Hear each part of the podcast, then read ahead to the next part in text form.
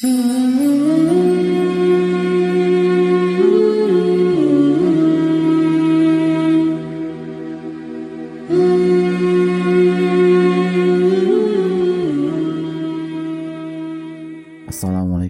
warahmatullahi wabarakatuh.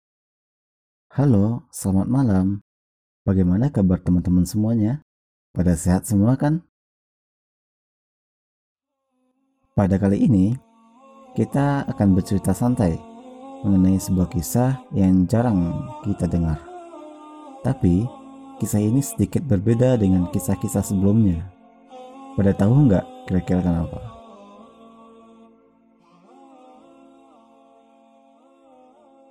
Iya, tepat sekali. Karena kisah ini menceritakan sesuatu yang di luar nalar.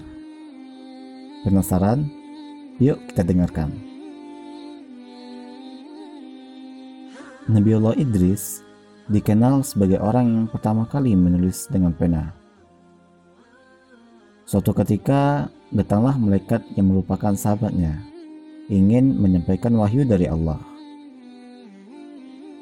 Sesungguhnya Allah menyuruhmu untuk berbicara dengan malaikat maut, agar sudi memberi penangguhan waktu, agar engkau bisa memperbanyak amal-amal perbuatan baikmu.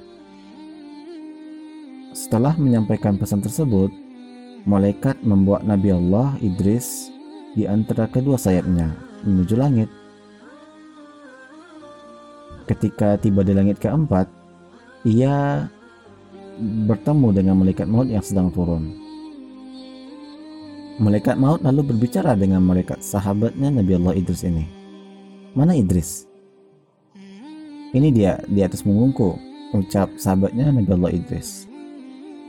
Malaikat maut berkata dengan heran, Sungguh mengherankan, Allah mengutusku untuk mencabut roh Idris di langit keempat. Tentulah aku bingung, bagaimana mungkin aku bisa mencabut rohnya di langit keempat sedangkan dia berada di bumi. Setelah menyampaikan pesan tersebut, roh Nabi Allah Idris dicabut di sana. Kisah ini dikeluarkan Imam Ibnu Qasir dalam Al-Bidayah wa Nihayah. Walaupun singkat, kisah ini mengandung hikmah yang begitu besar.